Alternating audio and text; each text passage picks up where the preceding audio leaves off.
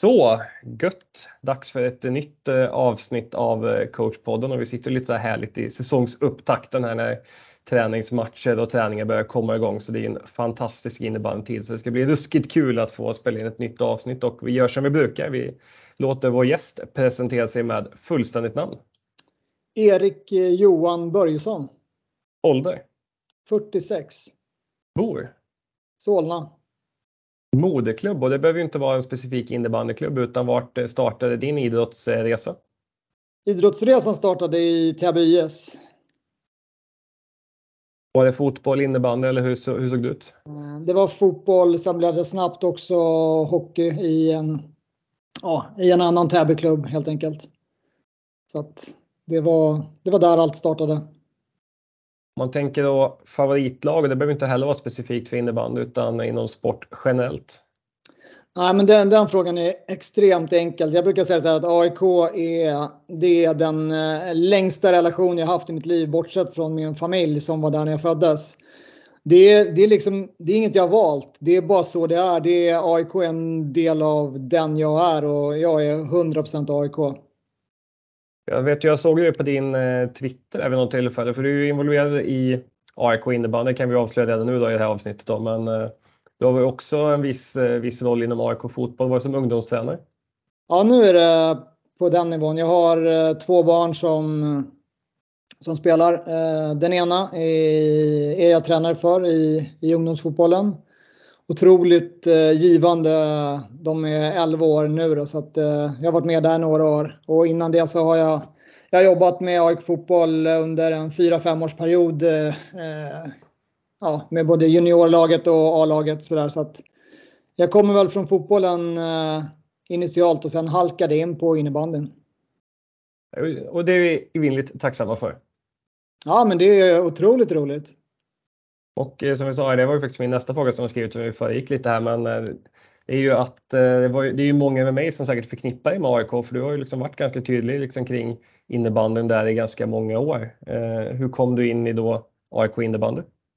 Ja, men grejen var väl att jag jobbade på, på Sats på, i, ja, i, i början av 10-talet och Johan Nilsson då, som säkert folk känner till inom innebandyvärlden var ju han var väl CFO på Sats då, alltså hade ansvar för ekonomin där och då givetvis också en eh, innebandyprofil. Så att eh, han meddelade väl egentligen att AIK sökte fystränare och eh, jag och en kollega eh, tog oss an det uppdraget 2012-13 eh, där och delade upp uppgiften och sen dess har jag blivit kvar då så att eh, jag går in på min tionde säsong nu i eh, A-lagets verksamhet.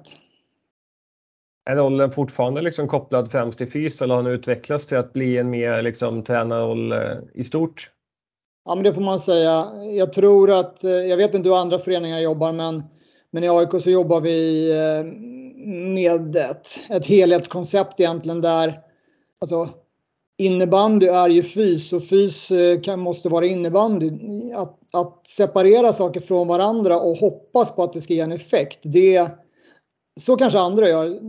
Så gör inte vi, utan vi integrerar eh, eh liksom alla delar som krävs för att nå resultat. Och det är klart att med den bakgrunden jag har så, så har jag en, eh, liksom, ett större ansvar för den fysiska träningen. Eh, men alltså, Binge, Dennis och Patrik, de andra ledarna, de, de kan likväl ta hand om, om fysiska delar i våra träningspass på samma sätt som att jag eh, håller i övningar och är delaktig i, i spel och så vidare. Så att idag har jag väl en, titeln är väl assisterande tränare. Och eh, vi hjälps helt enkelt åt med allt som krävs för att vår verksamhet ska bli så bra som det bara går. Det är ju väldigt intressant med de här integrerade ledarstaberna för jag lyfte förut som exempel att hockeyn har ju varit väldigt klassiskt att då har jag liksom en anfallscoach som har forwards och centra och så har jag en backcoach och en målvaktscoach och så någon huvudtränare där liksom. Men det är många lag som går nu lite mer mot eh, kanske en offensiv coach som jobbar med offensivt spel med alla spelare oavsett back, center, forward och byts av lite också under matcherna liksom att man inte står låst på någon plats. Så att jag tycker att det är en klok tanke också för fysen kan ju påverkas ganska mycket av spelmodellen om man vill ha liksom ett löpstarkt lag eller liksom ett mer liksom duellstarkt eller vad det nu kan vara för profil man vill ha på det. Ja men så är det ju definitivt att alltså om du ska tävla på högsta nivå så det funkar liksom inte längre att, att leva på sköna handleder och, och ett bra skott. Liksom. Du, du behöver ha alla bitar på plats och då är fysen en del och att, att inte ta hand om den, det är ju liksom att vara det är att inte ta det riktigt seriöst eh, skulle jag säga. Alltså det, det är en lätt bit att jobba med fast den är jäkligt jobbig då. Alltså, så. Det är svårare att lära någon stå och skjuta i krysset liksom från fickan än att, eh, än att eh, springa snabbt och länge. Skulle jag säga. Om man skulle beskriva liksom en säsongsupplägg i grova drag, har ni en sommartid en tydlig fysperiod när det liksom inte är mycket klubba boll utan det kanske är mer gym och löpning eller ligger fysen med kontinuerligt under säsong och även innebandyn under sommartid eller hur ser det ut?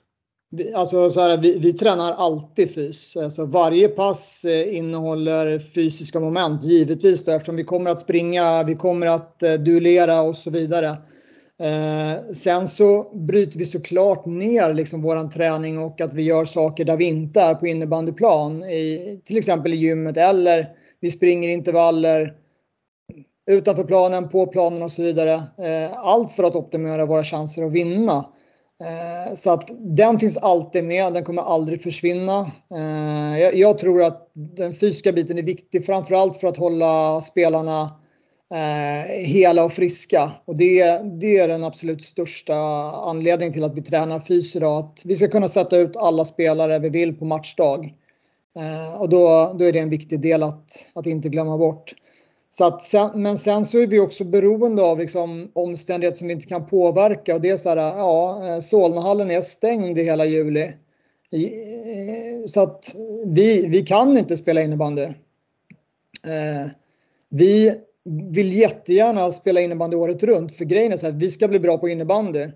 Och den här gamla skolan så här att nej men, säsongen tar slut i april och eh, vi startar upp i augusti. Att inte spela innebandy mellan april och augusti hur ska du bli bra på någonting om du eh, tar bort en tredjedel av året? Alltså för mig är det, det är hål i huvudet. Jag tycker det är, det är en sån gammal skola där man tänker, tänk, jag tror att man motiverade det med att, så att ja, men spelarna ska vara sugna på innebandy. Alltså, är det något de är sugna på, det är att spela innebandy.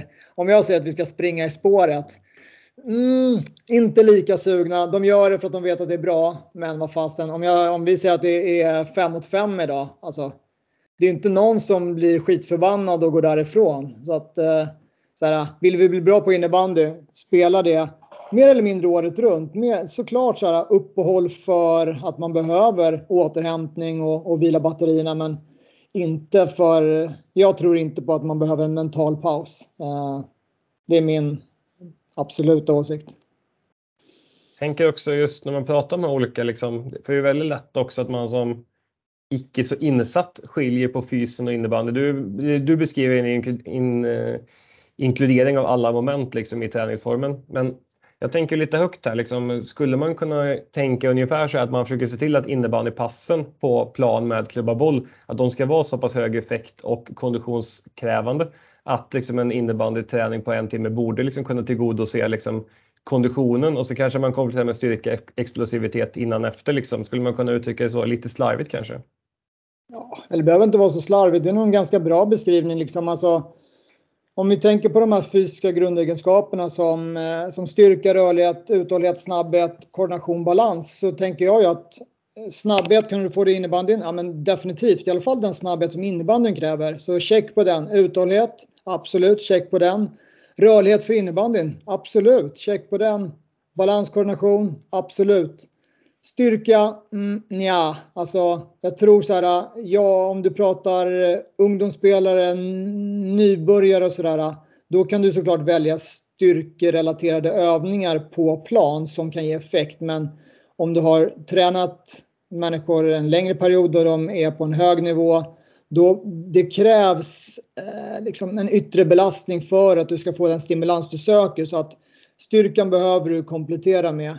Sen så här, vad det är, det kommer vara individuellt för varje individ du möter. Någon behöver väldigt lite medan en annan person behöver mycket. Det är så här, det är klart att Jonas Rosén och Kim Gilott hos oss eh, 04, det är klart att de har eh, kan och behöver lägga mer tid på de delarna eftersom de är unga och inte tränat så mycket kontra vi säger Oskar Hagberg som har liksom närmat sig 30 och spelat länge och gjort många säsonger på hög nivå. Det, det måste skiljas åt. Så jag, vi försöker också att vi är ju ett superkollektiv men all träning behöver inte göras tillsammans och alla människor ska inte göra samma sak. Det, du, måste, du måste, även om det är en lagidrott, se till individen och försöka utveckla varje person.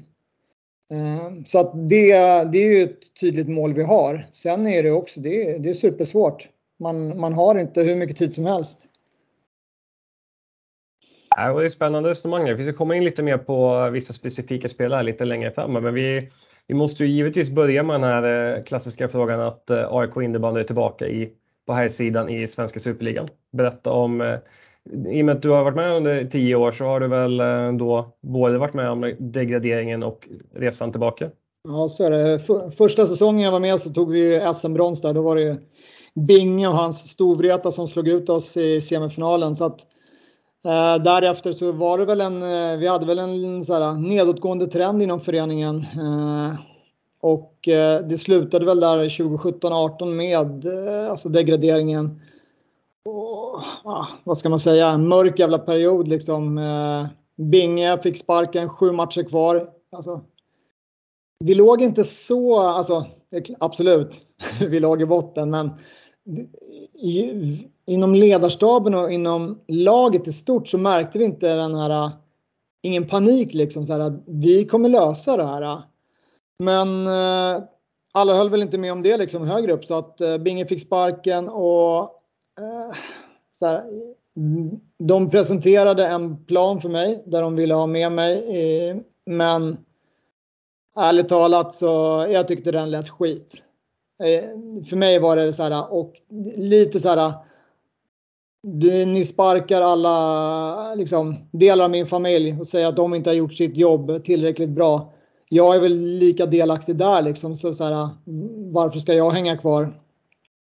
Så att eh, jag valde, alltså det var, eh, AIK betydde så otroligt mycket för mig så att det var, det var tufft så här, att lämna, lämna båten som sjunker med folk på den. Så här, det kändes inte heller bra men eh, det var ohållbart med, med, med den planen som presenterades så, så kände jag så här, ah, det här är inte för mig och jag tror inte på det här och då tror inte jag att jag är rätt person. Så att eh, jag lämnade.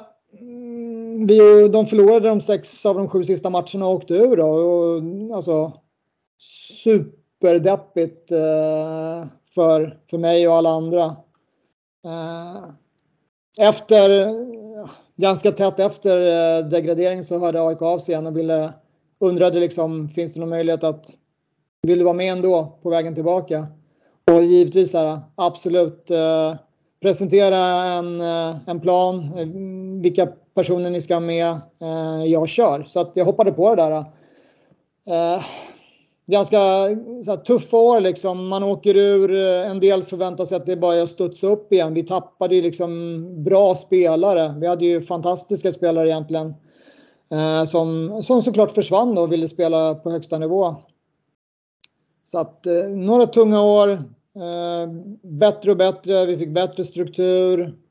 Förlorade mot Hagunda i kvalet eh, förra året då. Tight match. De, eh, jag får säga de de läste oss till slut liksom och, och vann, eh, vann när det behövdes. Vi slog väl dem ändå i, i tre av fem matcher det året, men de vann när, när man skulle vinna så att eh, cred till dem. Eh, och sen då det här året som egentligen var så här eh, en känsla av att vem ska stoppa oss liksom. Vi hade eh, en känsla av att vi hela tiden bättre och bättre. Ju längre matcherna gick, vi avgjorde många matcher sent, superstarka, supertro på kollektivet. Eh, vem som helst kan avgöra. Så det var så här. Ja, det, fin det, det kommer sluta med avancemang, men det kan man ju inte ropa hej för tidigt. Sen, sen, alltså, sen, jag vet inte. Det är knappt att jag kommer ihåg känslan. Det var en, en eh, sjukt konstig känsla när vi väl eh, vann där. Det går, det går inte. Man måste vara med om det för att, ja, för att kunna beskriva det. Det, det går inte riktigt att sätta ord på det. Det var, ja, det var mäktigt. Om man då tänker att det är ju några spelare, för jag läste ju där Alex Kjellberg som skrev en sommarkrönika på innebandymagasinet och eh, han och ett par spelare till har väl också varit med på hela den resan. Hur mycket har de betytt? Ja, men det är klart att det är viktigt med att ha någon form av kulturbärare som, som hjälper till att driva allting vidare och, och på något sätt så här, stå för vilka vi är och, och, och så. Så att det är klart att det är jätteviktigt. Det är ju tufft att behöva börja om eh, och få in nya människor hela tiden. Så att eh, en jätteviktig roll till ja, men Alex och Kemi Libak, eh, Jonathan Hjelm. Det, det är flera som varit med, men en viktigare roll än, än man tror skulle jag säga. Absolut. Du nämner Jonathan Hjelm. Jag vill minnas, eh, frågan om det var på Twitter jag läste, frågan om det var Andreas Stefansson i sin tidiga AIK. Tror, vi får se om du känner igen den här historien och om det nu var Jonathan Hjelm. Jag har för mig att det var något inlägg någon gång att eh, han var en hjälte för han hade tagit med sig tv och tv-spel till någon lång bussresa. Så då var det Fifa på vägen ner, men det var på bekostnad av målvaktsväskan som han hade glömt hemma. Ja, men det, det stämmer. Han eh, fick med sig tv-spelet, men han glömde målvaktsgrejerna. Så att, ja, men det, Hjelm, han är en uh, fantastisk uh, människa och uh, ja, han, all, all kärlek till den människan. Ja, jag var ju verksam nere i Huddinge under den tiden jag pluggade för några år sedan. Då var han ju en supertalang i Huddinge IBS och en förbaskat duktig utespelare. Liksom. Det var ju en toppspelare liksom, i JAS som utespelare också under, under de åren. Så det är potentiellt sett en av de av de målvakter som huserar i Superligan så kanske han är en av de bäst, bättre utespelarna av dem. Han, han hävdar väl det själv i alla fall skulle jag säga.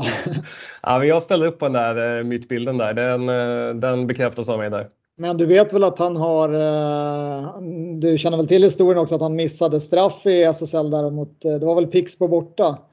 När han fick lägga en straff i slutet men han bommade den. Ja, det är ju otroligt faktiskt. Nej, ja, den hade jag missat helt. Ja, det är otroligt att han fick lägga den överhuvudtaget. Jag undrade vad, vad ledarna egentligen tänkte där, men så var det. Så han har 100% missar på straffar. ja, det är också en merit han får, eh, han får skryta med. Exakt, vi får se om det blir någon chans till eh, revansch här i kommande säsong då. Jag kan säga att det blir det inte. Men om man tänker då liksom att eh, ni som lag i allsvenskan med det spelet ni spelade i allsvenskan och gjorde det till ett topplag där och eh, klev upp. Att, ser du liksom att ni kommer kunna jobba vidare med liksom stora delar samma spel och eh, nyttja även det i Superligan? Ja men 100 procent. Alltså, vi tror ju stenhårt på våran, eh, våran spelfilosofi. Vi ska vara och som vi var ett kraftfullt kollektiv där vi, vi ska spela extremt uppoffrande vi har enkla grunder och, och det kräver att man är väldigt dedikerad i sin roll som spelare. Och det måste jag säga att eh, spelarna löste briljant i år. Höga målsättningar, oerhört lojala mot varandra, och mot föreningen. Så att, eh, ja, men, eh, superinsats kollektivt och det är klart att det, det är där vi har våran styrka i dagsläget och det är klart att den ska vi utnyttja. Man tänker då, backar man bandet några år här till eh, kanske den tiden du började med när AIK var uppe och bråkade om SM-medaljer och liksom eh, åren strax innanför det liksom, så var det ju en eh, väldigt stark eh, starkt AIK-lag. De var väl ganska förknippade med den här gamla klassiska som det kallades då AIK 2-2-1 spelet. Finns det kvar någonting av de eh, 2-2-1-delarna eh, eller hur spelar dagens AIK? Ja men eh, definitivt finns det alltså Eh, årets AIK, vi bygger vidare på den, på den här klassiska 2-2-1 modellen men vi har utvecklat den i en ny version och vi spelar, vi spelar en varierad innebandy där vi likväl kan säga att vi spelar 1-2-2 men vi har också inslag av 2-1-2.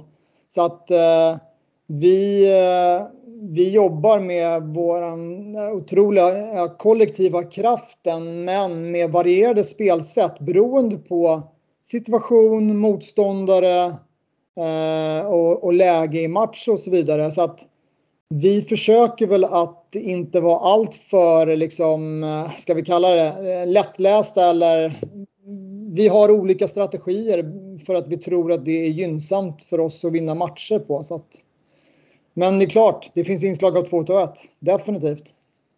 Mycket är ju liksom en vad ska jag säga, lek med siffror, men eh, det handlar ju om att få ut egenskaperna på spelarna på rätt, eh, rätt position. För det är ganska intressant om man drar parallellen till fotbollen här. Liksom, eh, om man tänker AIK fotboll som på här sidan spelat 4-4-2 mestadels under säsongen.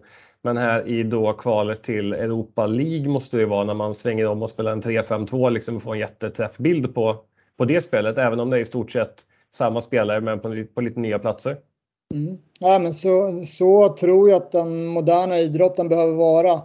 Och, och, och pratar du med tränare så, så, så hävdar de väl alltid att eh, siffrorna, det är bara en lek med siffror. Vad som händer ute på planen är något helt annorlunda. Och, Ja, när du ställer upp det vid, innan domaren blåser så ser det ut som ett system. Men eh, fem sekunder senare så, så kan det vara något helt annat. Så att, eh, man behöver vara mångsidig och ha skickliga spelare som kan lösa situationer helt enkelt. Så att, eh, jag tror också att, vi, att många lag arbetar på det sättet att man har en, en tydlig grund som man sen har variationer från.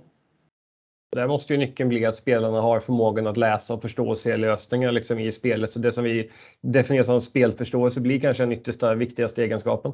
Ja, det är alltså, du kan inte ha en tränare som står och ropar vad spelarna ska göra där ute. Det, det funkar inte. Du behöver ha en, en trygghet i att eh, ni har tränat på saker, ni har lärt dem saker, de är skickliga, de kan ta bra beslut. Eh, den, den tron på sina spelare behöver man ha. Eh, så att, och det, det, vi jobbar med det dagligen och det tror jag alla gör.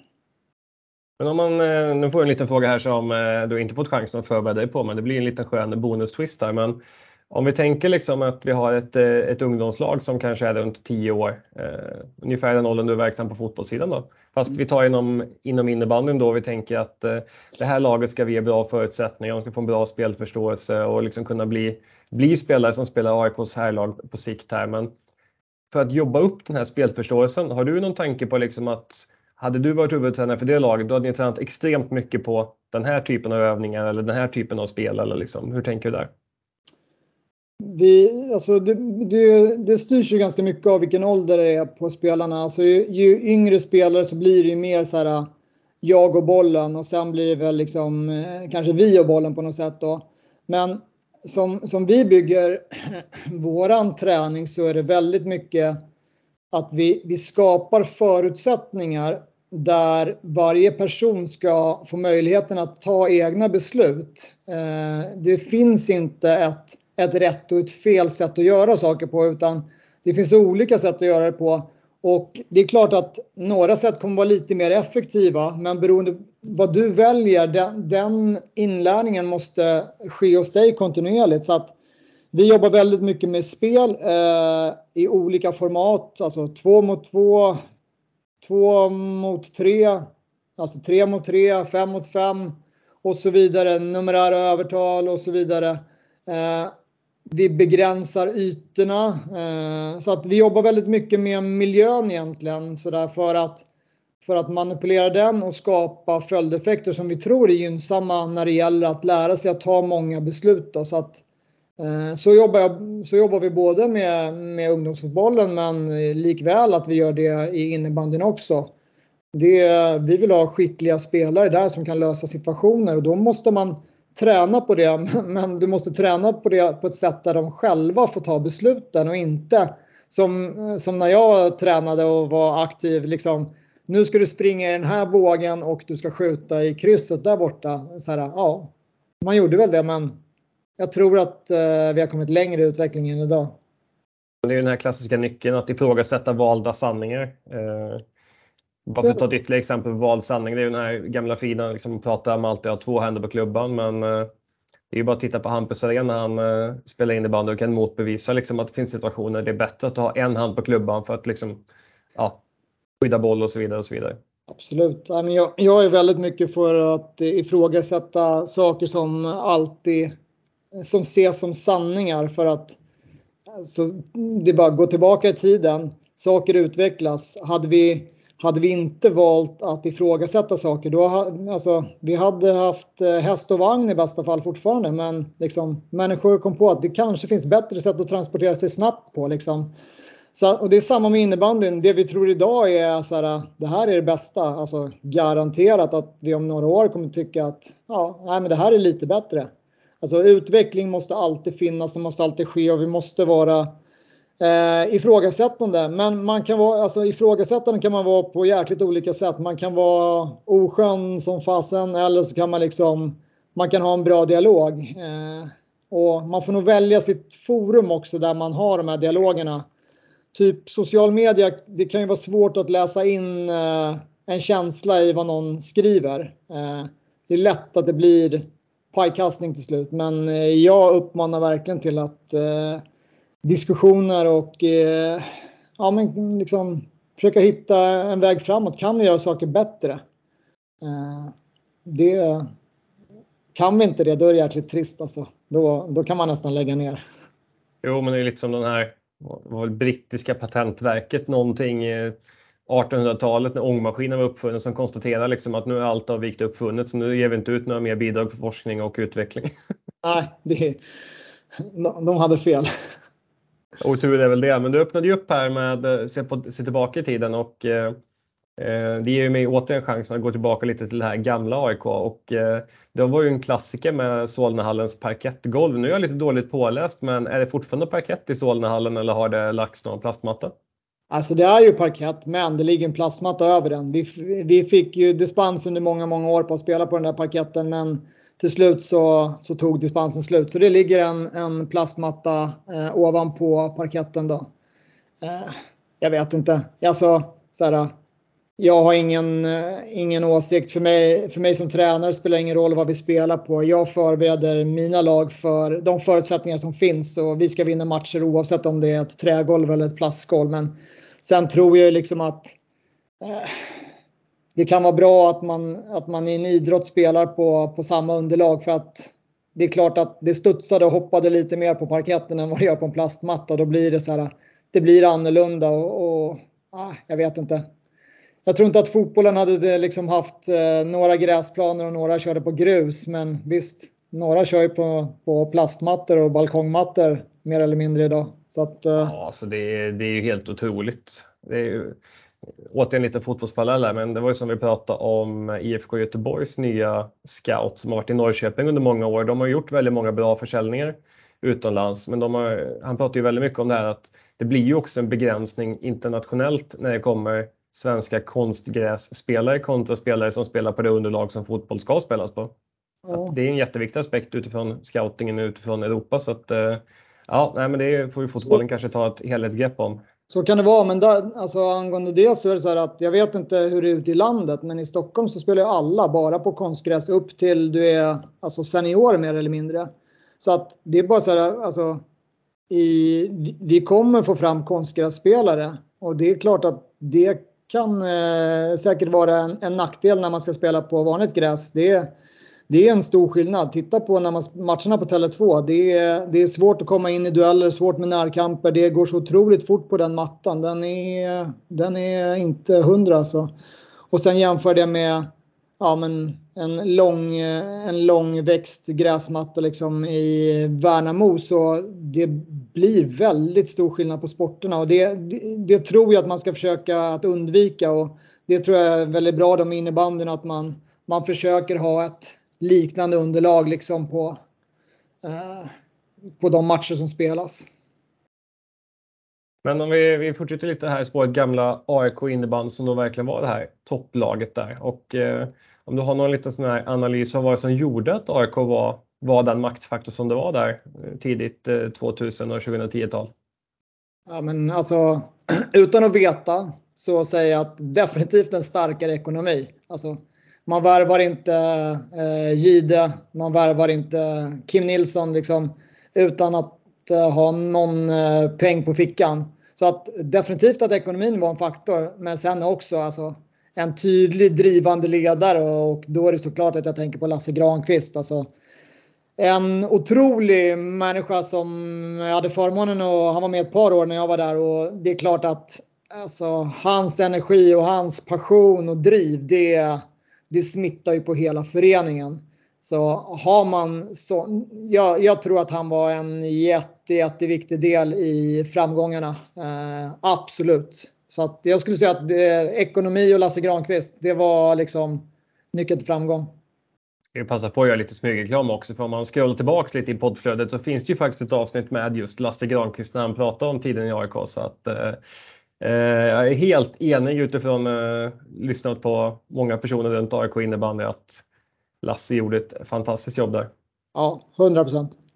Men om du får plocka tillbaks någon eh, tidigare AIK-spelare som, eh, vi, vi, kan väl säga så här, plocka tillbaka den i sin prime. Det behöver inte vara i dagens eh, form här, paddel, paddelmör och skön, mm. utan någon spelare som du tyckte liksom var, hade någonting lite extra. Det behöver ju inte bara vara att det var en poängspel, utan det kan ju ha varit en kulturbärare eller någonting. Men någon spelare från gamla AIK som du vill plocka tillbaka till dagens trupp?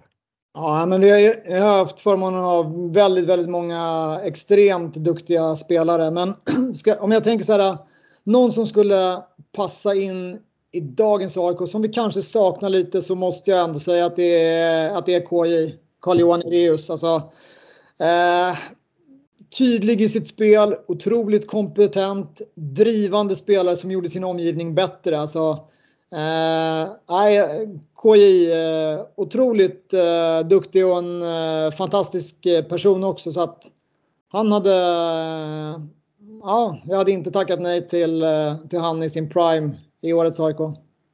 Det var ju en spelare som verkligen eh, gjorde skillnad på yttersta världsnivå liksom och var väldigt avgörande i VM-finaler. Jag vet att den i Skandinavium kan ha varit 2010-2012 någonstans där. vill Jag minnas att han var helt otrolig.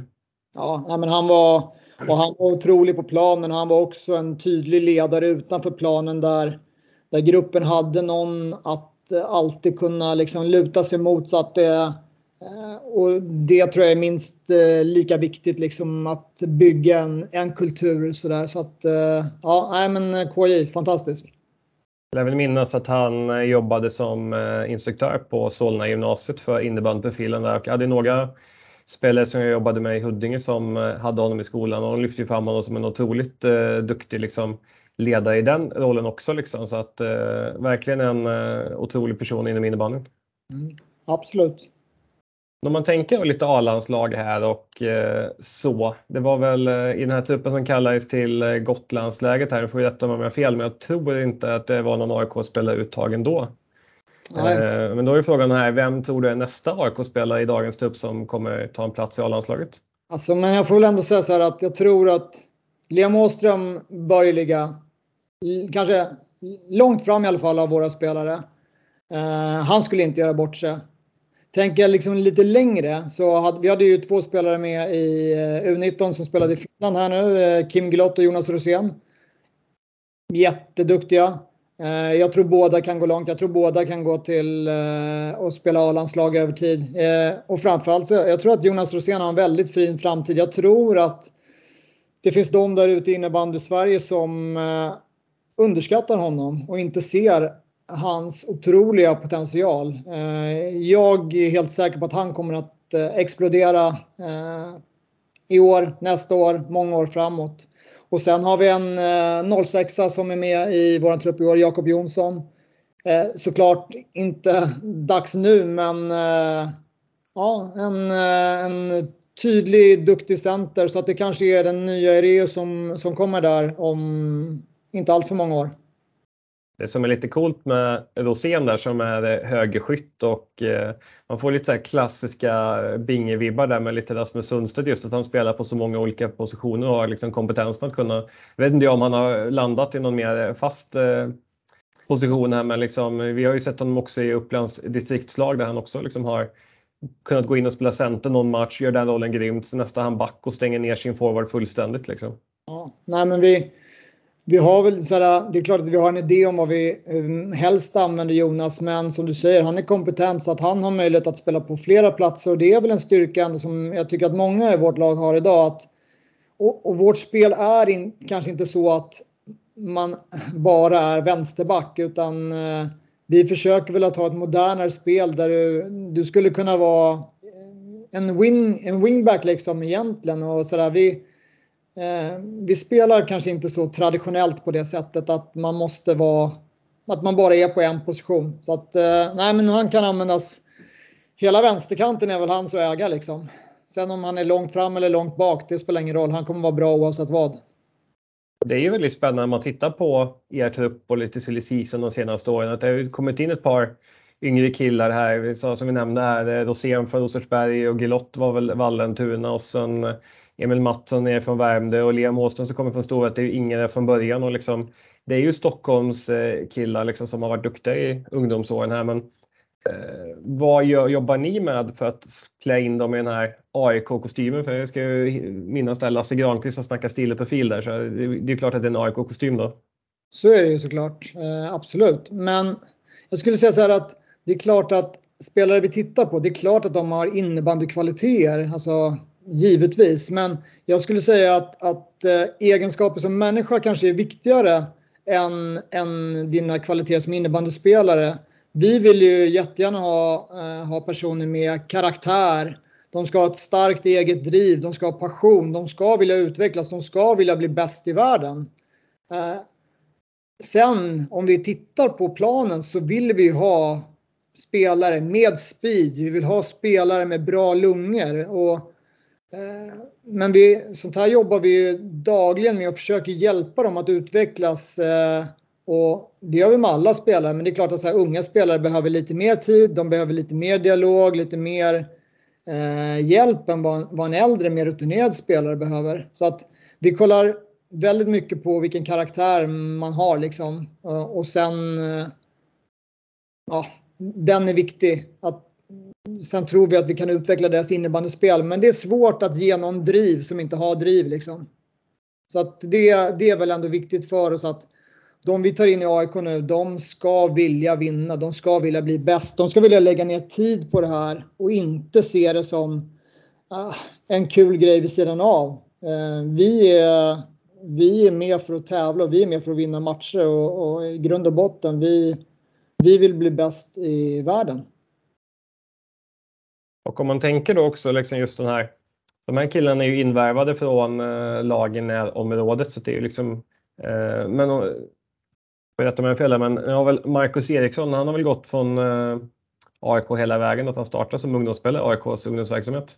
Ja, jag tror han började när han var fem. Jag brukar säga att det finns ingen som har så många HJ-matcher i AIK eller i, i världen som Marcus Eriksson. Han har ju spelat tusen matcher i HJ liksom eh, från att han var så, 13 år till, till 19. Nej, men eh, Marcus Eriksson är en fantastisk person och en otrolig profil som är han andas och han är AIK. Det är, för oss är det jätteviktigt och vi värvar gärna in spelare med den karaktären, med ett AIK-hjärta. Vi tror ändå att det är eh, någonting som stärker oss, att man brinner för föreningen. Sen så är inte det, det är inte det slutgiltigt viktigaste, men eh, definitivt om vi har en, en kille från närområdet eller om vi skulle plocka någon från andra sidan landet, då tar vi såklart närområdet. Vi, det tror vi också är bra att man eh, är i en miljö där man känner sig hemma och trygg. Det kommer göra det lättare att prestera på innebandyplanen. Och det är ju väldigt intressant. Jag tycker det är väldigt spännande med just när det kommer spelare ifrån som har gjort den resan i klubben. Så, men hur ser ungdomsverksamheten ut idag? Är den, eh, är den på frammarsch? Är den stor? För backar ju bandet 10-15 år så var väl inte ungdomsverksamheten jättestor i AIK? Nej, den var väl knappt existerande får man säga. Nej, men ungdomsverksamheten, jag vet inte exakt hur många spelare vi har aktiva idag i ungdomslagen, men den är på frammarsch. Det görs eh, ett bra jobb från ideella krafter så eh, AIKs HJ-lag, eh, eh, ska bli spännande att följa dem. Det finns skickliga spelare där och även neråt i åldrarna så så börjar det, Binge gör ett stort jobb där med att träffa ungdomsledare neråt och och diskutera egentligen innebandy och en spelfilosofi så att vi får på något sätt en, en samsyn av hur, hur spelar vi innebandy i AIK liksom. Eh, det borde vara gynnsamt eh, för föreningen. Så att eh, Bingen lägger ner jättemycket tid på det och förhoppningsvis kommer det bara öka. Den, den har varit eftersatt men det, det, är många duktiga människor som är inne och jobbar nu så att jag tror att den är på stark frammarsch. När vi pratar om hur AIK spelar innebandy så är det ju alltid kul att lobba in lite taktiska exempel här. För jag, jag har ju såna grejer jag går och funderar på själv som det är alltid kul att höra vad andra tänker. Och ett taktiskt exempel som jag tänker att många lätt förbiser, det kan ju vara de här momenten just när man ska teka. Eh, om man har några direktiv, hur man agerar, om det finns någon tanke bakom. Har ni något eh, sånt här som ni jobbat med genom åren? Liksom? Och då tänker jag utifrån två perspektiv. Dels om man vinner tekning och dels om man förlorar tekningen. Alltså, det, det är klart, det beror ju, det beror ju på liksom situationen i matchen. Sådär. Är, det, ja, är det lite kvar, man leder med ett, man ligger under med ett eller sådär. Då, då, då kanske det finns sådär, större taktiska drag.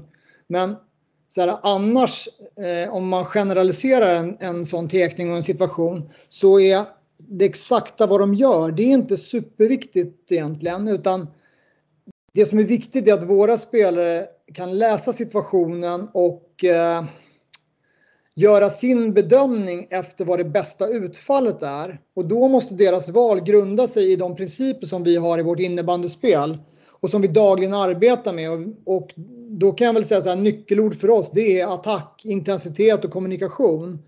Så att om de kan uppvisa de delarna vid antingen en vinst vid tek eller en förlust vid tek så, så är jag helt säker på att det kommer bli en framgångsrik situation, liksom en lösning på den. Men som vi var tillbaka och pratade om ungdomsfotboll där. De behöver kunna lösa situationerna själva. Sen vid en specifikt läge i matchen, då kanske vi har tydliga direktiv att vi ska göra så här. Absolut. Det var ett väldigt eh, bra svar för det, är liksom, eh, det faller ju tillbaka väldigt mycket på det vi har pratat om tidigare med spelförståelse liksom, och att den röda tråden ska vara liksom, genomgående i alla momenten här. Mm, absolut. Vi ska ge oss på här. Du ska få fem stycken snabba frågor och det är såna här antingen eller så du får ju då bara välja ett av svaren helt enkelt och så får vi se om du får chansen att motivera lite senare här sen då. Men eh, är du beredd? Jajamän. Träning eller match? Match. Anfall eller försvar? Anfall. Löpning eller gym? Gym. Styrka eller kondition? Styrka.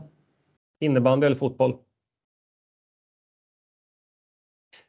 Fuck. Ja, där satte du med. Ja, ja, ja. In, äh, innebandy. Ja, jag kände att den kunde bli jobbig liksom utifrån. Ja, den var jätte, jättejobbig. Ett val jag inte kan göra. Det är som att välja mellan mina barn liksom. Men ja, ja. Det är ju tur att eh, det är bara i poddvärlden man behöver göra de här valen. Exakt. Det var så jag tänkte att det är väl inte hela världen. Exakt.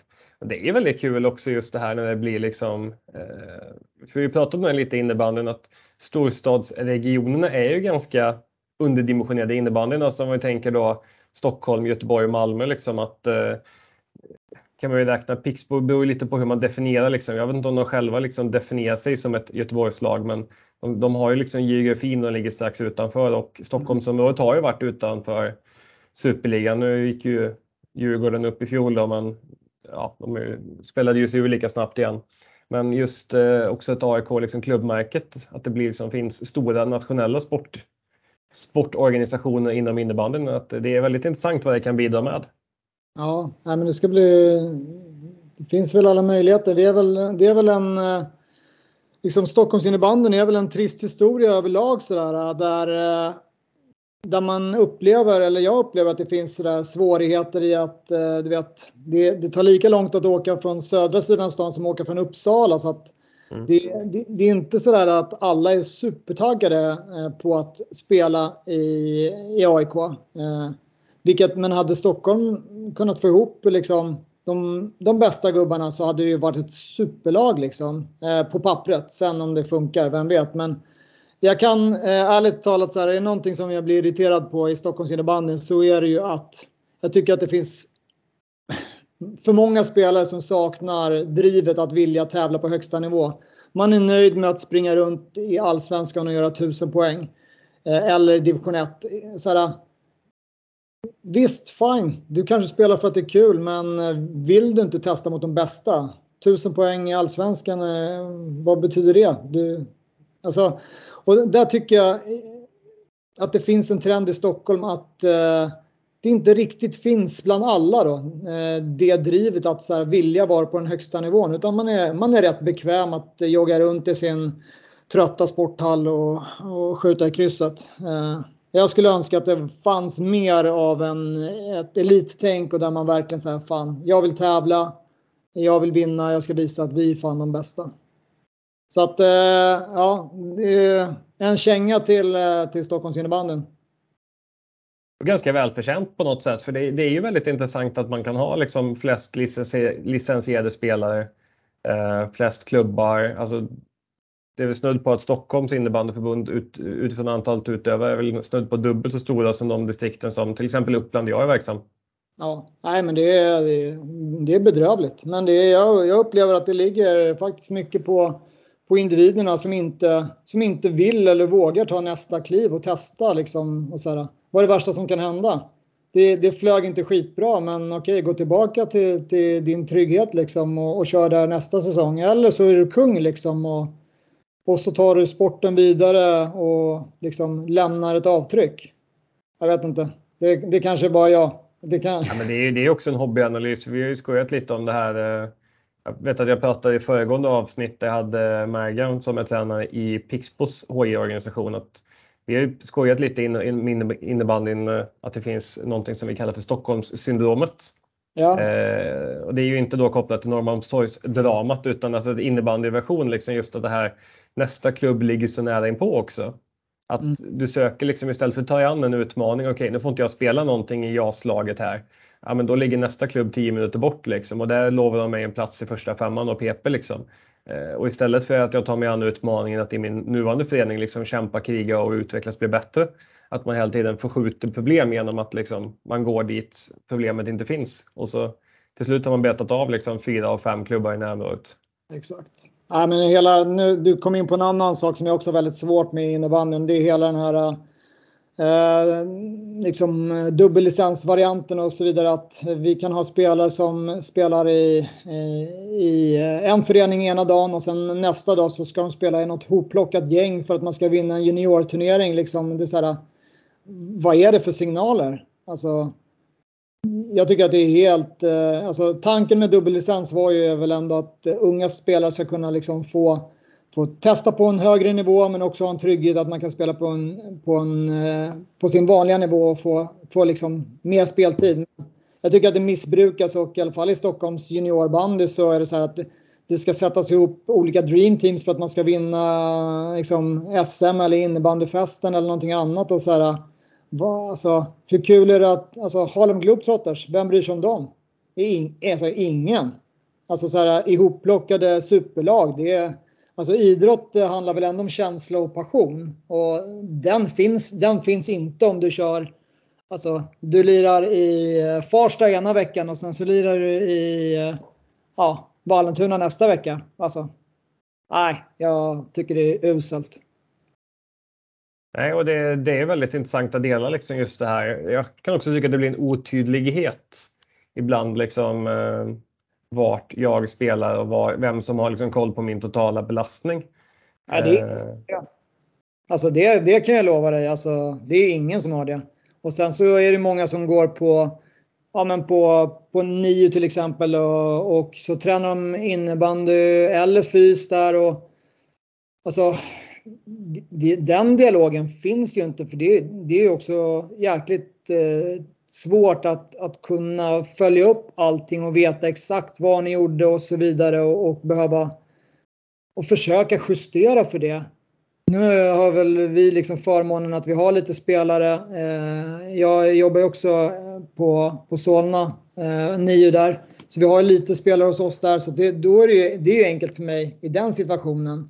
Men för alla andra så är det ju ja, det är en ekvation som är jättesvår att lösa. Att, eh, det blir väldigt konstigt när spelare kommer och så har de kört, nej men jag hade fem matcher lördag söndag. Vad ska vi göra idag? Alltså, na, ja, nej, vila kanske. Alltså det, det blir inte riktigt bra. Det, för, på kort sikt är det jättekul att spela match. På lång sikt så, så kan utvecklingen hämmas lite och, och återigen riskerna i en match är mycket större än vad de är i träning. Så att, kan också bli lite större problem. Det fanns ju något förhållande som man pratade om tidigare, jag vet inte om du, du stämmer upp på, men just förhållandet till träning match, att man pratar om ett 80-20, att 80% av idrottsutövande består av träning i olika former och 20% av matcher. Ja, men det är väl en eh, rätt rimlig fördelning, alltså med tanke på intensiteten och hur man kan styra. Träning kan du styra precis som du vill. match kommer du inte kunna styra eh, egentligen. Så att det, det, är väl rimligt att den, den större delen eh, av ens eh, aktiva liv behöver, det, det, kan inte vara på 100% Match kommer alltid vara 100 mm. Det kan inte träning vara för då kommer du snabbt ha problem. Eh, så. Och på tal om match här och att kunna få styra saker och ting så skulle du få styra upp då en matchuppställning med fem stycken utespelare och en målvakt. Du får ju plocka målvakt och köra den som utespelare också. Det, det står ju dig fritt där liksom. Och sen... Eh, du? Jonathan Hjelm vill... ja, precis. Han vill köra ut och ta en straff där. Ja. Chans till revansch där. Nej, men det står ju dig fritt här att stoppa ihop en eh, drömuppställning. Eh, behöver inte vara aktiva spelare i dagsläget. Eh, du får ju ta ut på vilka premisser du vill och om du vill ha någon eventuell ledarstab också. Uh, ja, men alltså. Det här var ju sinnessjukt svårt. Tio år så, så träffar man och eh, arbetar med många duktiga människor. Men såklart har jag, jag varit tvungen att göra ett val så att på, på målvaktsposten så, så får det bli Patrik Åhman för detta Jansson då, men eh, ja. Eh, Hjelm på väg dit, men behöver nog eh, vinna några guld först innan han petar Åman. Åman, eh, underbar karaktär. Eh, Dr Jekyll och Mr Hyde. Så att, eh, nej, fina Patrik Åman, han får vara med. Sen så kanske jag väljer något av en skräll liksom eh, på eh, högerbacken och det blir eh, Rasmus Bolander. Eh, som säkert inte så många hade väntat sig eller petat in. Men eh, Rasmus Bolander, årets säsong som han gjorde eh, defensivt bland det bästa jag sett. Alltså helt otrolig. Och hade inte han haft tre stycken korsbandsskador så jag undrar hur bra han hade varit. Eh, så att eh, varje dag håller tummarna för att Rasmus får ha resten av sin karriär hel. Eh, fantastisk defensiv spelare och det kommer balansera upp resten av min femma för på vänsterbacken så valde jag ändå Simon Götz. Trollgubbe, speed, teknik, show. Ja, jag gillar, jag gillar Simon och hans spel och så att han får med. Sen... Det är fint med litet, jag eh, måste bara flika in också här med riktigt fint Huddinge-backpar också. För jag mig även Bolander kommer från eh, Hibstar. Så är det. Det är fina Huddinge där ute, så de gör bra grejer. Eh, sen valde jag på, på som vänsterforward så, så valde jag Kevin Björkström som jag hade x antal år i AIK. Eh, på den tiden var han ju mestadels eh, forward. Nu har han ju tagit kliv bakåt, men eh, Kevins speed alltså otrolig och eh, en vänsterkant med Götz och Björkström, eh, den, är, den är inte tråkig om man säger så. Kommer bli åka av. Det blir åka av där. Och för att balansera upp där så valde jag då ändå att ha Carl-Johan Ereus med som i en eh, centerroll. Och sen så kanske den svåraste positionen för mig var ju att välja någon form av spetsroll där. Liksom. Ja, Kim Nilsson var väl aktuell. Andreas Stefansson var väl aktuell. Marcus Eriksson aktuell, men jag valde ändå liksom AIK-ikonen Patrik Hagberg. Han kanske säger att han är någon form av Caperi och Täby-ikon, men eh, Patrik Hagberg är super aik eh, också en sån kulturbärare. Eh, fantastisk spelare och målgörare. Så att eh, Åman, Bolander, Götz, Björkström, Ereus, Hagberg eh, väljer jag där. Och sen får jag ju absolut säga så att eh, bredvid mig i båset så där står Binge. Alltså Binge har jag jobbat eh, under två perioder ihop och eh, eh vi synkar. Vårt samarbete är jätte, jättebra så att eh, jag känner mig oerhört trygg om han står bredvid. Så att så blir det. Ja, men det är ju en, eh, det är en fantastiskt härlig uppställning. Jag behöver ju inte så mycket motiveringar utan eh, kul med Patrik Hagberg. Det liksom känns som att han, eh, han, han kom lite i liksom eh, skymundan, han kom lite efter att liksom storhetstiden tiden var lite slut där. Men han var väl en extremt viktig spelare. För jag vet, jag har ju sett honom spela mängder med gånger och det är ju liksom få spelare som är så smarta och duktiga på att komma till, till målchanser. För det är också den här förmågan att dyka upp liksom på en fri yta och liksom bara komma till ett avslut.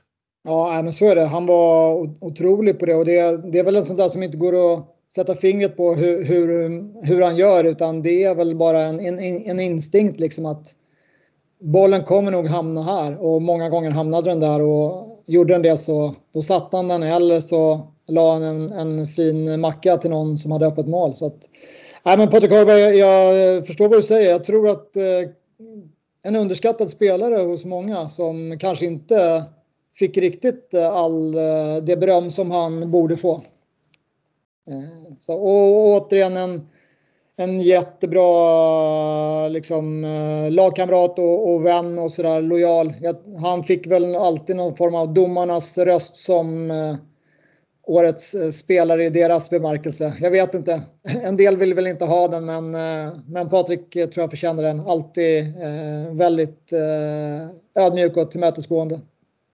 Det är kul också där du nämnde Patrik Åhman här. Det finns ju något eh Eh, osäker på vem det var som publicerade de här grejerna, men det var ju liksom en lite så här inside AIK video där när han pratade om sina rutiner inför match där och eh, eh, beskrev x antal tics med att eh, skulle gå av en viss tid och rädda ett visst antal bollar. Liksom att, eh, var, var det någonting som stack ut som även ni märkte av i ledarstaben?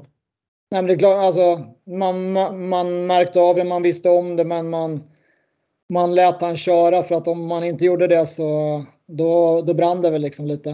Eh, jag vet att vi hade någon, någon match i slutet av eh, en säsong när, när det, det skedde någon form av avtackning eh, på när egentligen det skulle vara matchstart, vilket gjorde att det tog tio minuter och då vet jag att Patrik, eh, han var inte superglad utan eh, det hade väl rubbat rutinerna lite och han gick väl bakom i korridoren och eh, det var väl några väggar som fick eh, fick sig några eh, kyssar där av honom. Så att eh, nej, han, eh, det, var, det var väl eh, en grej han behövde för att komma i sitt matchmode liksom.